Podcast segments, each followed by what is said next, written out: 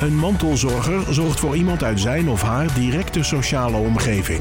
In deze podcastserie praten we met mensen die op verschillende manieren zorgen voor de mantelzorger, zodat zij altijd het gevoel hebben dat ze niet alleen staan en zelf gezond kunnen blijven. Tegenover mij zit Monique Post, mantelzorgmakelaar bij het Mantelzorgcentrum. Welkom Monique. Hallo. Hallo. Uh, jij bent mantelzorgmakelaar. Uh, Ja. Waarom uh, ben je, uh, heb je voor deze functie gekozen? Ik was uh, altijd werkzaam in het bedrijfsleven. Uh, echt de commerciële tak van sport. En daar werkte ik als uh, bedrijfseconoom. Maar op een gegeven moment werd ik zelf mantelzorger van mijn vader. En daarna van mijn stiefvader.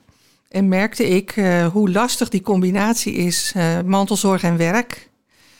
En ik besloot op een gegeven moment het roer om te gooien. En ontdekte via het mantelzorgcentrum dat er een opleiding was voor mantelzorgmakelaar. En die heb ik gevolgd. En uh, ja, ik ben ondertussen alweer zes jaar werkzaam in dat uh, beroep. Zes jaar inderdaad. En, en um, uh, het bedrijfsleven wat je hiervoor hebt gedaan, hè, komt dat dan ook van pas in, in je huidige functie? Ik dacht eerst van niet. Hè. Ik dacht dat ik met financiën niet veel te maken zou krijgen. Maar weet je, het bloed kruipt waar het niet kan gaan. Dus het, het, zit gewoon in je genen, in je vingers. Dus als je dan met uh, hulpvragen te maken krijgt, dan vraag je al snel af hoe zit dat dan met de financiën. Ja. En zo gaandeweg heb ik uh, ja, dat opgepakt en allerlei modellen uitgewerkt ook om, om dingen uit te rekenen voor mensen. En ik merk ook dat dat voor mensen die zorg geven een belangrijk aspect is. Ja, want we hebben het vandaag dan over mijn bijzondere kind wordt 18. Hè? Uh, voordat we ingaan op uh, die, die financiële aspecten die, die jij dan gaat uitzoeken. Wat is eigenlijk een bijzonder kind? Ja, ja. een bijzonder kind is een kind dat wat meer zorg nodig heeft dan gewoon.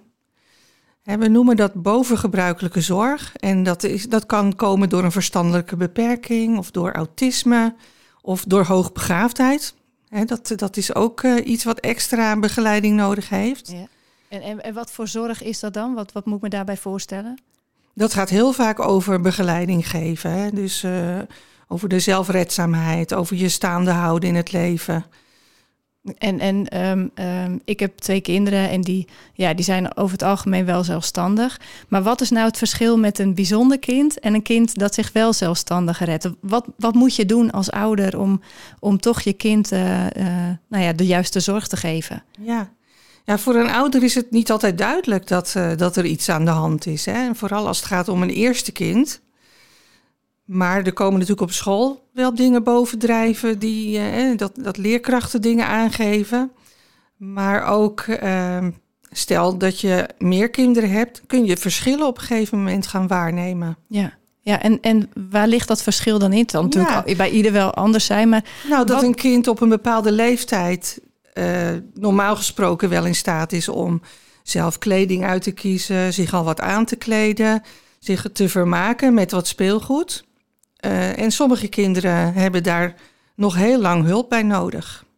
En, en dan, dat is eigenlijk het moment dat je denkt van... hé, hey, uh, ik heb dus een bijzonder kind. Ja. Ik kan me ook voorstellen dat ouders niet altijd weten... dat ze ook mantelzorger zijn. Nee, dat, uh, vaak willen ze dat ook niet weten. Want ze zijn ouder en dan doe je gewoon wat nodig is met je kind. Ja. En ieder kind is uniek. Um, en, het, en zij zien het ook niet altijd als een probleem. Het is gewoon de zorg die je geeft passend bij het kind. Maar wij noemen het wel mantelzorger wanneer uh, het gaat om bovengebruikelijke zorg. Ja, je ja. zei net, hè, van de, ze zien niet dat het een probleem is. Wanneer wordt het een probleem? Ja, ik denk dat de omgeving dat dan aangeeft. Of als het echt zoveel energie gaat kosten dat je niet meer naar je rust toe komt als ouder. Er zijn natuurlijk ook kinderen die probleemgedrag laten zien. En dat is natuurlijk 24 uur en 7 dagen in de week. En dat uh, kan best een uitputtingsslag vormen. Ja, en is dat ook het moment dat ze dan aan de bel trekken? Ja, dat is verschillend. Ik denk dat veel ouders uh, wel worden doorverwezen door andere ouders in vergelijkbare situaties. Uh, op school heb je natuurlijk ook dat daar uh, speciaal aandacht is voor kinderen die iets anders nodig hebben dan doorsnee. Daar, daar hoort school op in te spelen. ja, en speelt er echt nog veel meer, dan beland je op een gegeven moment wel bij de gemeente, bij uh, Team Jeugd, die mee kunnen kijken naar wat er nodig is en eventueel bepaalde voorzieningen kunnen beschikken. Ja, en, en wat voor voorzieningen zijn dat dan? Wat, wat kan ik me daarbij voorstellen?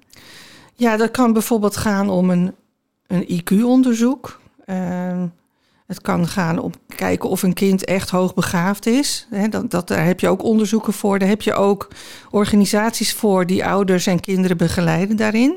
En dat kan een, een, een team jeugd van de gemeente toewijzen. Um, ja, je hebt ook organisaties, zorgaanbieders zoals Serenlo en SDG in onze regio die um, ondersteuning bieden aan ouders. Hè? Dus die bijvoorbeeld een paar uur de begeleiding overnemen. thuis. thuis. Of op school zelfs. Als, het, als er echt heel veel nodig is, dan kan zo iemand mee naar school gaan en daar helpen. Ja. En dat alles om, om die ouders dan te ontlasten. Ja. En uh, vinden ouders dat moeilijk over het algemeen? Want je zei net al van ja, ze zorgen gewoon voor hun kind. Hè? Vinden ze het moeilijk om hulp te vragen? Ja, want ik denk ook dat, ze, dat er ergens vaak een angst is uh, dat uh, de regie van ze wordt afgenomen hè, over het kind. En dat er wordt besloten, ja, dit gaat niet goed, hier moet worden ingegrepen. Dat is, dat is wel een zorg die ik veel tegenkom bij ouders. En gebeurt dat veel? Dat de zorg wordt afgenomen? Het gebeurt wel eens. Maar niet veel dus? Nee, niet veel. Dus die angst is eigenlijk ongegrond? Nou, dat, daar wil ik zo niet een uitspraak over doen. Dat, uh, dat hangt heel erg van de situatie af. Ja, ja. en wat voor situatie um, zou er dan kunnen zijn? Nou, dat is wel een heel extreem voorbeeld. Maar het kan bijvoorbeeld zijn dat een kind heel veel beperkingen heeft en misschien geactiveerd moet worden om bepaalde dingen te leren en te ondernemen. En dat een ouder ja, daar zo tegenaan zit te hikken dat, dat het kind uh, nou ja, bijvoorbeeld langer in bed wordt gelaten. En daardoor een stukje ontwikkeling gaat tegen uh, gaat uh, ver, verliezen. Ja. ja. En dat is niet op te lossen door uh, bijvoorbeeld in huis iemand neer te zetten die, daar, die daarnaar kijkt en die dat, daar de ouders helpt. Dat gebeurt wel, hè? Dat, er, dat er iemand van een organisatie die wordt ingezet om mee te kijken, tips te geven. Ja, Daar, daar, uh, daar begint het eigenlijk altijd mee. Ja, ja. Nou, het gaat natuurlijk over mijn bijzondere kind wordt 18. Die 18, die, die leeftijd is echt een magische grens. Hè? Ja. Um, waarom is dat zo belangrijk als je een kind hebt met een uh, beperking? Uh, nou, voor alle kinderen die 18 worden, gebeurt er van alles op dat moment wat, wat geregeld moet worden. Maar bij bijzondere kinderen die 18 worden, speelt uh, ook nog eens dat uh, vanaf je 18e mag je van alles zelf beslissen. Je mag ook zelf schulden aangaan, je mag een telefoon kopen en dat soort dingen. Uh, en er zijn kinderen die daar niet goed mee om kunnen gaan. En er zijn ook kinderen die dat voor de rest van hun leven niet zullen kunnen. En in dat geval is het zo dat ouders, wanneer dat kind 18 wordt, geen wettelijk vertegenwoordiger meer zijn. dus eigenlijk uh, een aantal beslissingen niet meer mogen nemen. Over hun kind. Ja, ja, dat moet dat kind zelf kunnen. Ja. En als je nou weet dat dat uh, niet gaat lukken, dan zijn daar, uh, daar, zijn daar maatregelen voor. Hè? Dan kun je aan de kantonrechter vragen om wel ver, wettelijk vertegenwoordiger te, te worden. Is dat een heel ingewikkeld proces naar de kantonrechter? Nee, het is een vrij standaard proces. Uh, je kunt mentor worden en dan beslis je over de zorgbehoeftes van, het, uh, van het kind. En je kunt bewindvoerder worden en dan beslis je over de financiën, die beheer je dan. Um, dat is een aanvraag die je moet doen bij de rechtbank. En er volgt dan wel echt een zitting. De, de, kantonrechter wil degene die bewindvoerder of mentor wil worden echt zien en horen. En ook het kind zelf. En ook familieleden eromheen. Dus het is wel een officiële zitting, maar het is iets wat natuurlijk heel vaak voorkomt. En heeft het kind daar ook nog iets over te zeggen? Ja, ja die wordt ook gehoord. En nou is het wel zo dat wanneer dat kind een bepaalde indicatie heeft die eigenlijk al aangeeft, bijvoorbeeld dat er sprake is van een behoorlijke verstandelijke beperking, die indicatie wordt ook meegestuurd naar de kantonrechter. En die, die weet dat dus. En die houdt daar ook rekening mee wanneer hij luistert naar de antwoorden. En um, uiteindelijk kan dan de kantonrechter um, de ouders, de bewindvoering en wat zei je net ook alweer? Mentorschap. Mentorschap. Over de zorg gaat ja, het. Ja, ja. En, en wat houdt het dan precies in, dat mentorschap? Ja, dan zie je toe op alle belangrijke beslissingen aangaande de zorg. En bij een kind met een, uh, een bijzonder kind gaat dat over besluiten naar welke dagbesteding het zal gaan. Uh, wat voor begeleiding er nodig is, de persoonlijke verzorging die eventueel nodig is. En, en over het algemeen uh, uh, overleven kinderen hun ouders. Ja. Stel nou dat, dat de ouders overlijden, hoe wordt het dan geregeld? Ja, dan neemt familie over. Uh, en in feite kun je als ouder nou niet letterlijk niet over je graf heen regeren. Hè? Maar wat uh, ik mensen wel vaak adviseer, is om een levenstestament uh, af te sluiten bij de notaris. En daarin zeg je van alles over jezelf hè, en wie de volmacht krijgt als jij op een dag zelf niet in staat bent om dingen te doen en dingen te beslissen, ook over jezelf.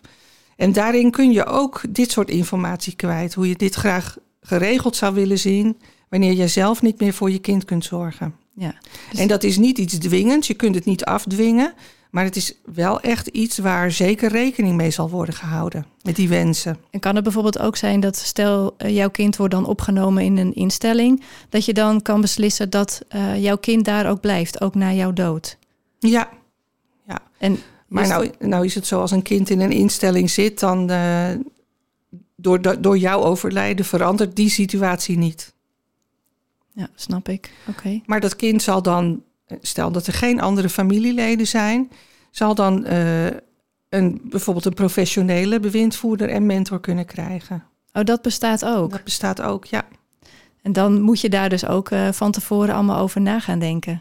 Ja, en dus eventueel neerleggen in zo'n levenstestament. En sowieso, uh, je kunt iets achterlaten, hè? iets wat je schrijft met je gedachten daarin. Je, je moet het om je heen laten weten hoe je dat graag ziet. Ja. En heb je ook al mantelzorgers ontmoet die dat echt helemaal zo hebben uitgeschreven op papier? Ja. En kan je daar ook iets over vertellen, wat, wat hun situatie is? Ja, nou dat is gewoon een, een situatie vergelijkbaar met waar we het net over hadden. Maar deze mensen hebben bijvoorbeeld een volwassen zoon die verblijft in een GGZ-instelling. En uh, leveren best nog veel zorg daar. En maakten zich ook zorgen over hoe dat verder moest als zij er niet meer zouden zijn. En die hebben dat ook verder geregeld uh, in hun levenstestament. En door ook bijvoorbeeld met zijn broer uh, alles op te nemen. Het is gewoon belangrijk om het bespreekbaar te maken. Ja, dus niet alleen alles op te schrijven en vanuit de ouders zelf, maar ook de omgeving te laten weten wat er in zo'n levenstestament staat. Ja, ja, ja. En um, um, je hebt dan uh, nou, heel veel te regelen. Hè? Hoe lang van tevoren moet je ongeveer starten voor je kind 18 wordt? Toen ik uh, dit thema uit ging werken voor het mantelzorgcentrum, kwam ik uit op dat je zeker drie maanden van tevoren moet gaan kijken hoe je bepaalde dingen geregeld wilt hebben. Ook die aanvraag bij de kantonrechter, maar ook kijken welke zorgverzekeraar misschien een goed, uh, goede keus zou zijn voor het kind. Want vanzelf komt dat kind terecht in een polis zoals je die hebt als ouder. Maar soms is het zo dat passend bij die zorgvraag een hele andere zorgverzekeraar op zijn plaats zou zijn. Dus als je niks doet, bij wijze van spreken, dan, dan komt hij gewoon weer in, in die zorgverzekering terecht. Ja, krijgt hij zijn eigen polis uh, op de eerste van de maand na de 18e verjaardag. En heeft dat ook nog invloed op, op bijvoorbeeld de zorgverzekering van de ouders? Nee. Oké. Okay. Dus die, um, is het niet zo dat de zorgverzekering van de ouders dan heel hoog is ingezet voor de zorg van hun kind? Of nee, nee. Dat, nee. dat is niet. Uh, nee, Oké. Okay. Nee. En nou, dat is dus, dus bijvoorbeeld een, uh, iets wat je, waar je over kunt nadenken. Ja. Uh, gewoon een goede keuze in kunt maken. Uh, je kind heeft een DigiD nodig tegenwoordig om van alles te kunnen regelen. Dus dat kan je al in gang zetten. eventuele losse verzekering, een WA-verzekering, een bankrekening openen.